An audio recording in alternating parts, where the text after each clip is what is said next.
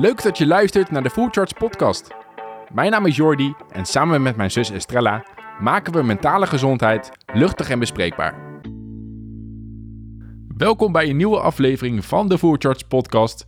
Dit keer word ik weer heerlijk vergezeld door mijn zus Estrella, die een lekkere slok van haar water neemt.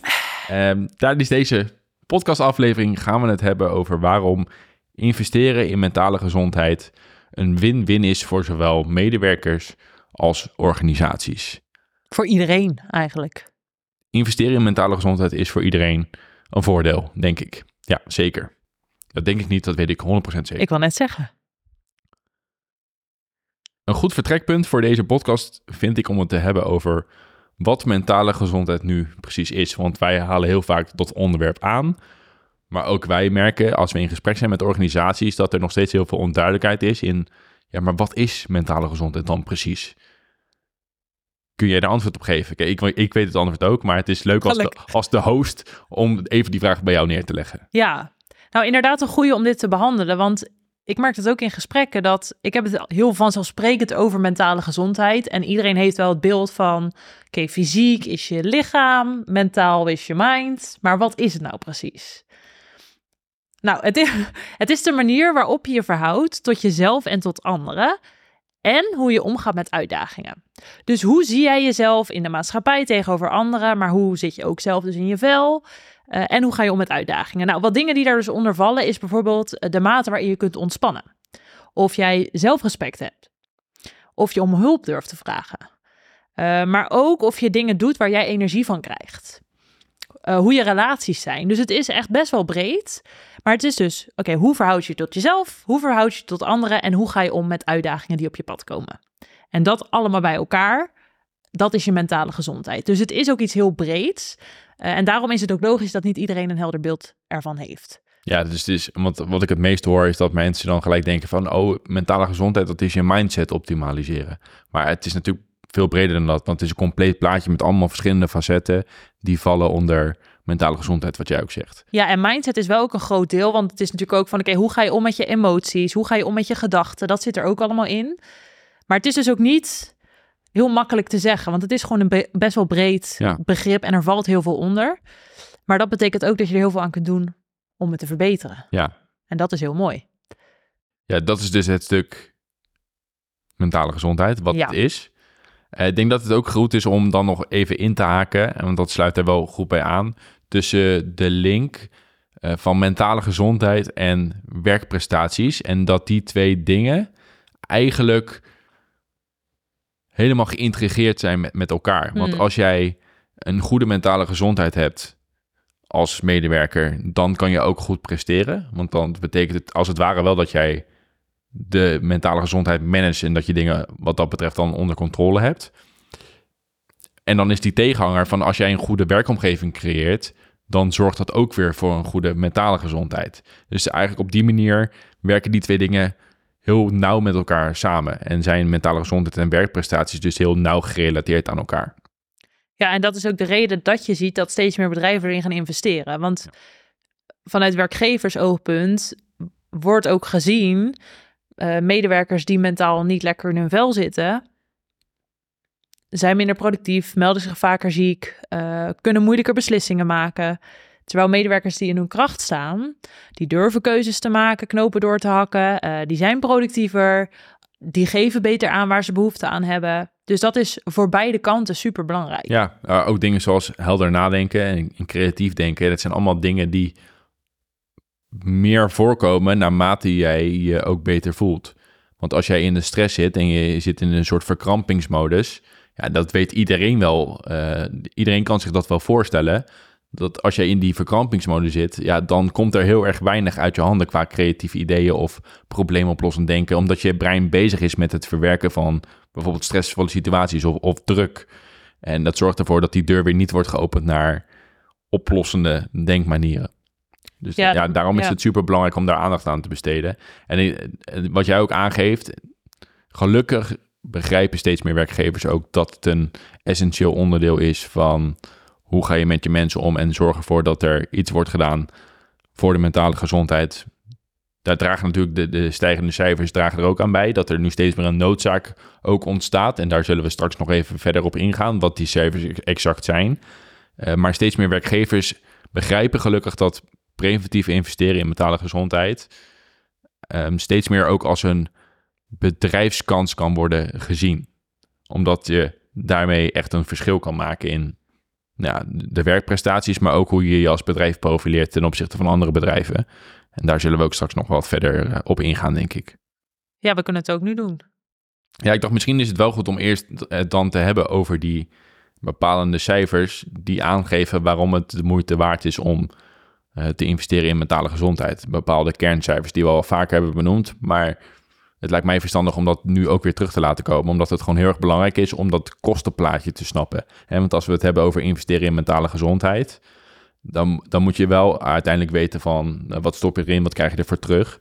Uh, dus ik denk eerst goed om die essentiële cijfers te delen over wat zijn nu de kosten die worden gemaakt als je kijkt naar mentale gezondheid. Om dat als vertrekpunt te nemen. Ja, en ik denk dat als je nu luistert en je bent geen werkgever, maar je luistert dit juist als millennial, dat dit ook interessant is om te weten wat er nu dus ook in de markt gebeurt. En als jij in een bepaalde generatie valt, is de kans groter dat je mentale uitdagingen ervaart.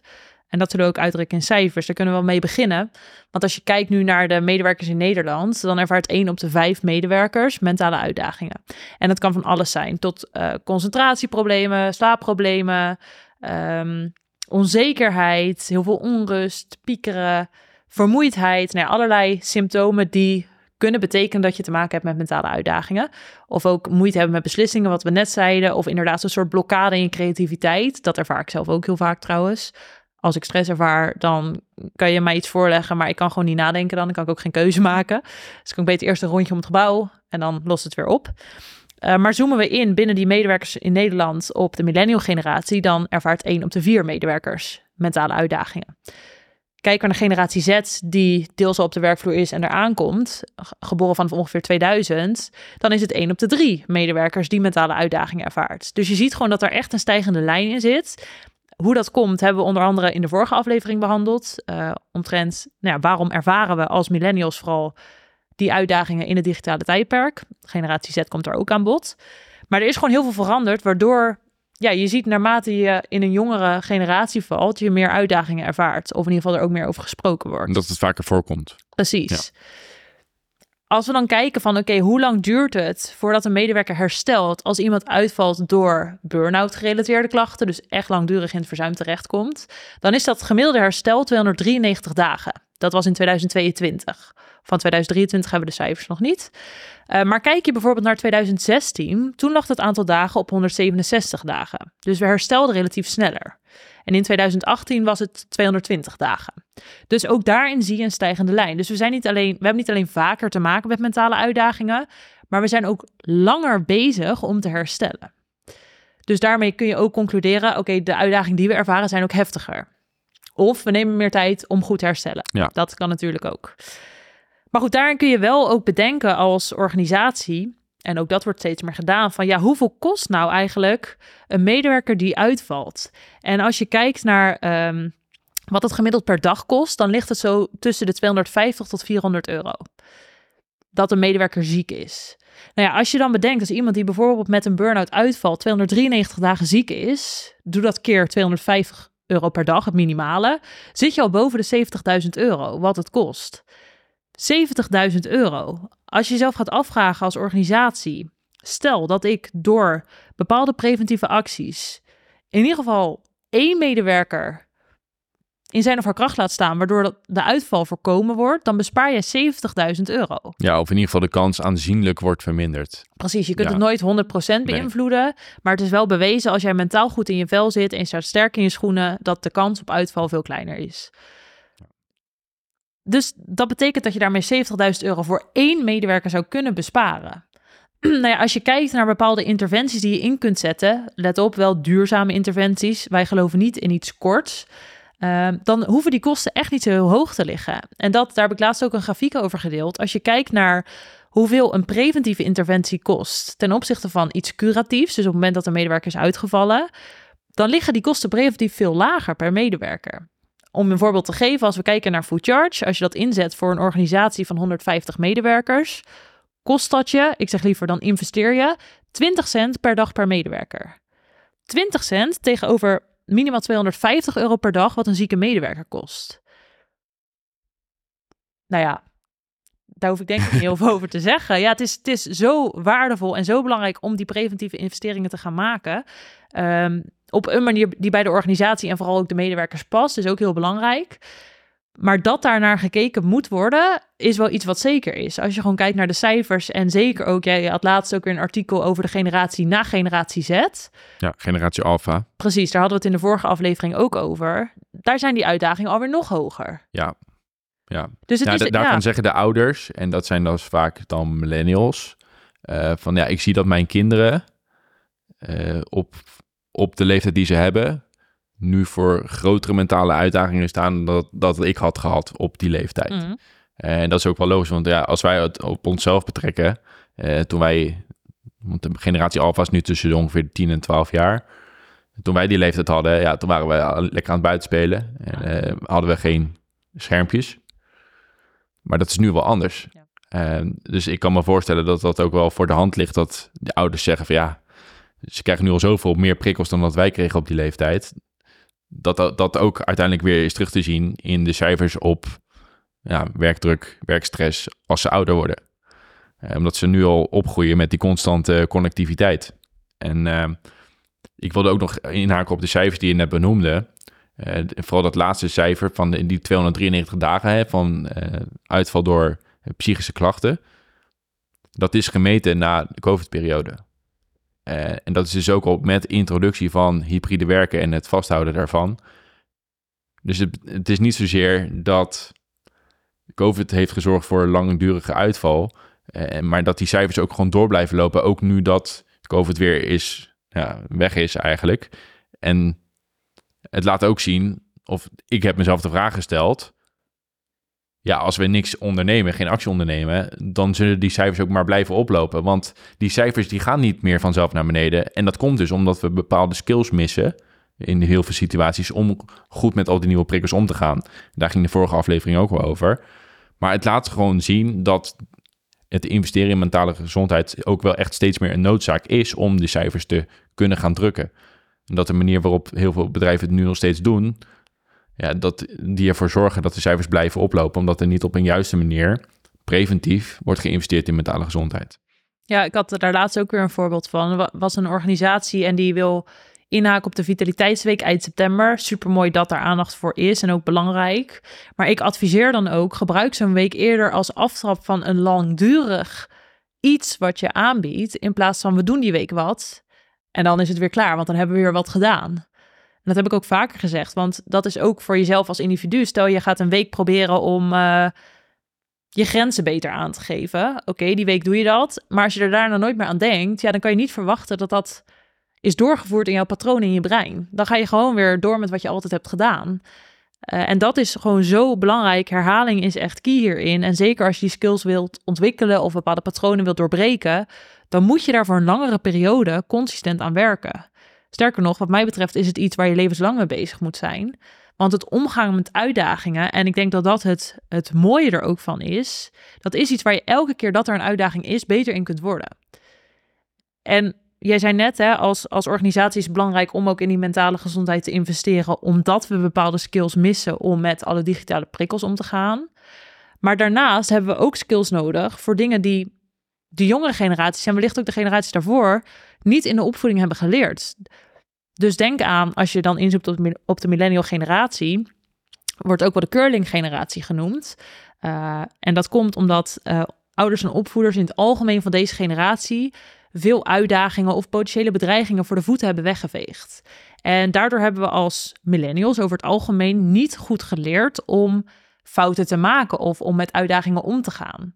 Maar op het moment dat je in het bedrijfsleven komt, ja, dan sta je er toch alleen voor. Dan, dan zijn papa en mama niet naast je. En als je een fout maakt, ja, dan doet het jezelf misschien heel veel. Terwijl het is helemaal niet erg. Maar omdat we dat nooit geleerd hebben, voelt het als: oké, nu heb ik echt iets.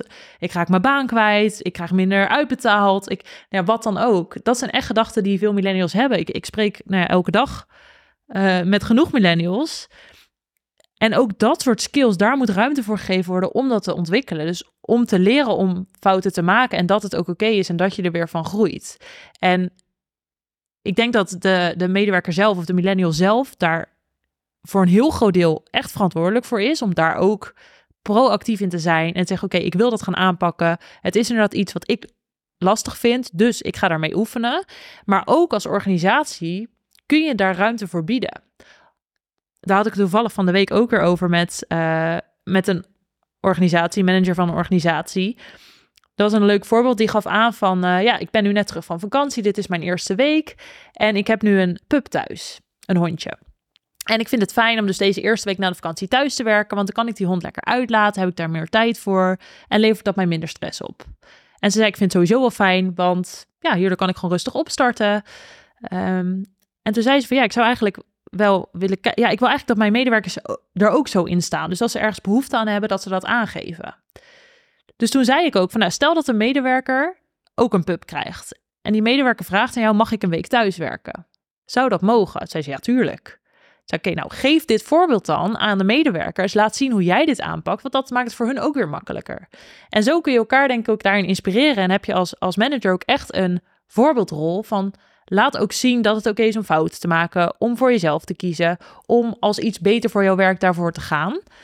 En daarbij is het natuurlijk wel belangrijk dat het ook voor beide blijft werken. Want als een medewerker zegt, ja, weet je, vanaf nu ga ik eh, de rest van mijn leven, voor zover ik hier werk, ga ik thuis werken, want vind ik veel lekkerder dan zou ik het ook zien als manager om uit te leggen van... oké, waarom wil jij dan heel de hele tijd thuis werken? Wat is het? Vind je de werksfeer op kantoor niet fijn? Dus ga ook daarin onderzoeken van... oké, waarom heb je die behoefte? Want zo ja, trek je elkaar een beetje uit je, uit je comfortzone... maar inspireer je elkaar ook en help je elkaar verder. En kom je samen ook tot een manier die werkt. ja, ik zat even in de flow. Ja, dus dat, ja. ja. ja. dat merkte je zelf ook, denk ik. ja, ik, ik, had, ik had het niet eens in de gaten. Maar ja, dat is wel iets wat, wat gewoon super belangrijk is. En hoe we elkaar daarin kunnen, kunnen versterken. Ja. ja. Ja, want als je dan weer uh, deze titel van de aflevering betrekt over, wat we nu aan het bespreken zijn. Uh, dat gaat natuurlijk over waarom is investeren dan een win-win voor zowel, nou jij zegt iedereen, maar ook vooral gericht op uh, medewerkers en organisaties. En ik denk dat je ook als HR-manager, ehm, want die vaak gaat over het stuk mentale gezondheid en om daar oplossingen in te zoeken. Ik denk dat het heel erg belangrijk is om jezelf een soort van vraag te stellen. Uh, van, stel je moet het pitchen voor de rest van het management, hè, omdat je iets wil doen voor mentale gezondheid, omdat je ziet dat er, je hoort dat er zoveel uitdagingen zijn. Soms hoor je dat ook niet, want heel veel mensen die zeggen dat ook nog steeds niet op het werk. Um, maar vraag jezelf altijd af van ja, hoe gaat dit initiatief wat ik van plan ben om in te gaan zetten of wat ik wil gaan verkennen, hoe, uh, wat voor impact heeft dit op de bedrijfsresultaten? En daarnaast ook, en dat vind ik ook een hele belangrijke, hoe kan dit zorgen voor concurrentievoordeel? Want dat is ook een heel groot ding wat eraan vastzit. Uh, omdat wij weten dat van de millennial generatie, die gaan steeds meer kijken van hoe sluit nou eh, mijn werkomgeving aan bij hoe ik mij wil voelen en ondersteunt mijn werkomgeving mij in mijn mentale gezondheid. En ik durf echt te voorspellen dat, ik denk over vijf jaar, dat alle bedrijven werken met een bepaalde mentale gezondheidsscore. Omdat het van extreem belang gaat zijn in, uh, ben jij op die manier een goede werkgever en dat medewerkers daarop gaan filteren. En eh, zeker met de krapte in de arbeidsmarkt wordt dat natuurlijk steeds belangrijker. Maar ik durf te voorspellen dat een bepaalde score voor mentale gezondheid, en dat zie je ook nu al in Amerika met de WHO, die echt eigenlijk al voorstelt van eh, dit zijn alle eisen waar je als bedrijf aan moet voldoen om bij te kunnen dragen aan mentale gezondheid. Dus ik zie dat dat steeds meer op de voorgrond gaat verschijnen. Dus het is niet alleen maar van hoe beïnvloedt het initiatief voor mentale gezondheid de bedrijfsresultaten, maar ook wat voor concurrentievoordeel biedt dat mij als bedrijf. En dat dat heel erg belangrijk is om mee te nemen in je pitch voor het management, om dingen aan te dragen die bijdragen aan het verbeteren van mentale gezondheid in de organisatie. Ja, als ik hem dan op mezelf zou betrekken, van stel ik zou ergens gaan solliciteren, dan zou ik daar ook echt naar kijken. Van wordt, wordt het ondersteund en wat straalt de organisatie daarin uit? Dus dat is echt een belangrijke. Ja, en daarom zitten wij als Charge ook zo op die data. Ja. Om echt inzichtelijk te maken uh, vanuit de medewerkerskant van hoe voelen de medewerkers zich mentaal, maar ook hoe denken medewerkers uh, met betrekking tot mentale gezondheid op de werkvloer, hoe het bedrijf ervoor staat. wij zijn nu bezig met een combinatie van die twee dingen. Die gaat ook zorgen voor een mentale gezondheidsscore. En ik denk dat het echt in de komende jaren extreem belangrijk gaat zijn. En het is ook heel interessant, want als je door een score natuurlijk kunt weergeven hoe het ervoor staat in een organisatie, is dat inderdaad voor de buitenkant goed om te weten van oké, dus hier wordt er aandacht aan besteed. Maar ook voor jou als werkgever heb je daardoor heel goed inzicht in. Stel dat het in bepaalde periodes in het jaar lager ligt. Oké, wat, wat gebeurt er dan? En dat geeft ook weer aanknopingspunten om te verbeteren. Ja. En dat merk ik nu al in gesprekken als ik de cijfers bespreek. Uh, want dat is dan een, een, een rol die ik op me neem, wat mega interessant is. Er komen elke keer zulke interessante dingen uit. Uh, van oké, hoe, hoe bespreekbaar worden dingen gemaakt? En heel vaak merk ik dat de werkgever daar op een manier tegenaan kijkt. Alles kan hier gezegd worden. Terwijl medewerkers het gevoel hebben, ik kan hier, ik kan hier mijn uitdaging niet kwijt. Mhm. Dus oké, daar zit iets. En zo zijn er verschillende dingen. Bijvoorbeeld, um, vanuit werkgevers wordt vaak gezegd, wat ik dan hoor in gesprekken die ik voer. Hier is wel duidelijk wat mensen moeten doen, hun verantwoordelijkheden, hun rollen. Talenten worden goed benut. We hebben een persoonlijk ontwikkelplan. Spreek met de medewerkers of kijken naar de data die in de app ingevoerd wordt. Op worden mijn talenten en capaciteiten goed benut, wordt relatief laag gescoord. Ja, dat dus is dus een van de stellingen die we hebben, inderdaad. Exact. Dus zo is het heel interessant om die verschillende visies eigenlijk erop te zien. Hoe, hoe verschillende partijen naar eenzelfde iets kijken of het anders ervaren. En om vanuit daar met elkaar die handen in één te slaan om daar verbeteringen in aan te brengen. Want uiteindelijk willen we allemaal één ding als het goed is, binnen een organisatie toewerken naar een bepaalde visie, visie bepaalde missie. als dat goed uitgedragen wordt. Ja. We werken naar bepaalde doelen, want daar gaat iedereen goed op. En dat is ook een stuk van mentale gezondheid. Ergens aan bijdragen, een bepaalde positie in de maatschappij hebben. Het doen waar je energie van krijgt. Ja, levensvoldoening. Precies, en dat is waar je elkaar in kunt versterken. En ik denk als we het zo gaan zien, in plaats van met een vingertje wijzen.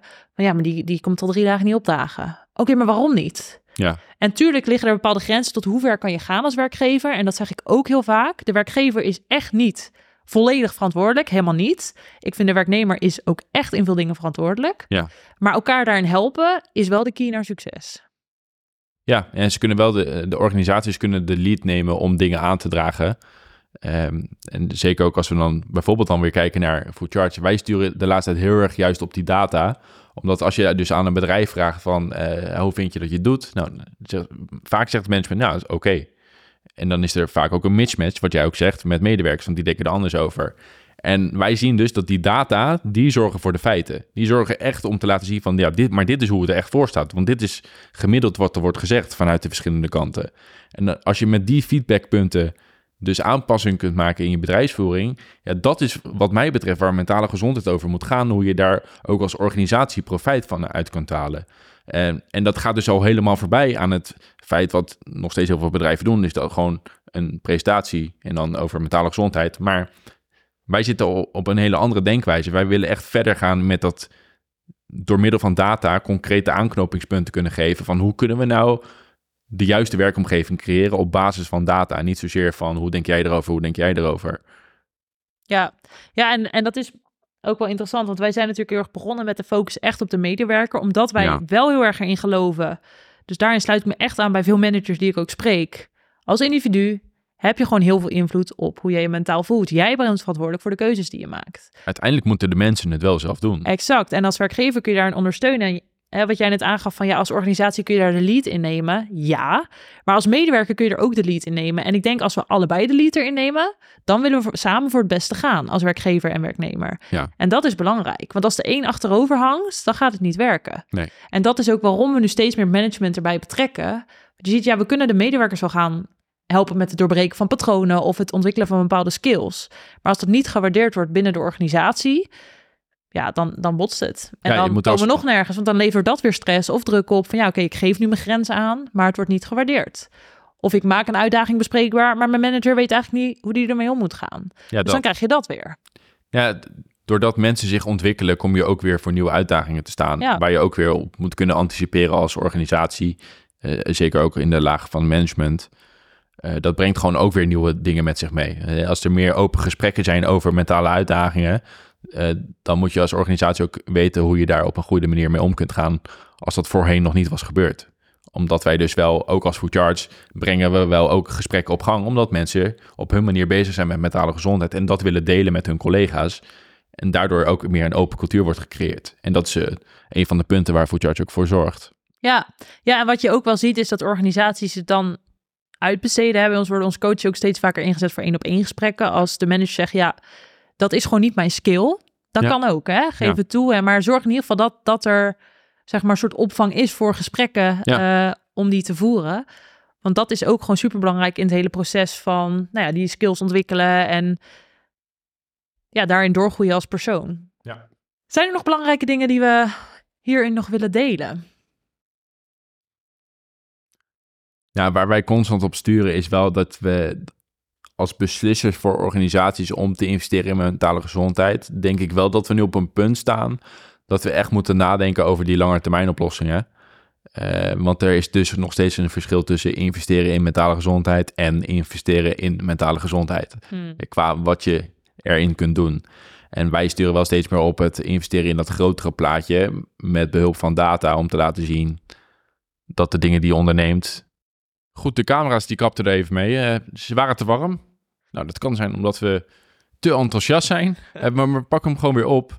En wat ik wilde aanhalen met mijn gesprek waar ik mee was geëindigd voordat de camera's ermee uitscheden. En dat was uh, dat het dus belangrijk is om als organisatie te kijken toch naar die duurzamere oplossingen. Om met behulp van data actiegericht te sturen op verbeteringen in de werkomgeving, maar ook het verbeteren van mentale gezondheid onder medewerkers. En de reden waarom ik dat zeg is dat er, er is ook een hele lange tijd, en dat is nu nog steeds, is er heel veel geïnvesteerd in vitaliteit. Uh, als je het dan hebt over sportscholen en dat soort zaken. Maar hoe ga je nou inzichtelijk maken wat de daadwerkelijke impact daarvan is? En ik denk dat we daar steeds meer naartoe moeten. Dus dat we echt moeten laten zien, en dat is ook voor Food Charge iets wat wij moeten doen en waar we al mee bezig zijn, is echt laten zien wat voor impact we maken met behulp van data. Eens. En uiteindelijk ook voor de eindgebruiker. Want dat motiveert ook om ermee door te gaan. En die duurzame aanpak is voor iedereen nodig. Want even ergens in investeren of mee bezig zijn, daar zijn we heel goed in met goede voornemens. Of het nu gaat om gezonder eten, om meer sporten, om meditatie, om vroeg opstaan. We doen het allemaal voor een bepaalde periode. En dan denken we, nou, het is weer mooi geweest. Ik ga weer lekker in mijn oude routines, veilig, comfortabel. Um, dus die duurzame aanpak is, is voor iedereen nodig. Dus een goede aanvulling. Ja, wel om daadwerkelijk iets te realiseren. Ja. Dat kan je vergelijken met het lezen van een boek. Als je één keer een boek leest, uh, dan ben je in de, twee weken daarna, dan weet je nog wel waar het boek over gaat. Maar als je daarna niks meer doet met die kennis uit, van het boek, dan vervaagt dat ook gewoon weer. En dat is ook als je dus een, een sessie organiseert. Ja, het vervaagt als je er geen constante actie op onderneemt. Of dat je het echt gaat toepassen in je dagen. En dat is waar we uh, uiteindelijk, waar alle oplossingen steeds meer naartoe moeten gaan. Niet alleen voor charge natuurlijk. Eens. Wat mij betreft de conclusie van deze aflevering. Er is een win-win voor iedereen als we meer gaan investeren in mentale gezondheid voor de organisatie en voor de medewerkers zelf. Maar daarbij is er ook verantwoordelijkheid vanuit beide kanten nodig. Ja. Dankjewel voor het kijken en luisteren allemaal. En we zien jullie weer bij de volgende aflevering. Vond je dit een waardevolle aflevering? Laat dan gelijk even 5 sterren achter. Een kleine moeite, maar het helpt om de podcast bij meer mensen terecht te laten komen. En vergeet de aflevering niet te delen met iemand voor wie dit ook interessant is. Op die manier maken we samen mentale gezondheid luchtig en bespreekbaar.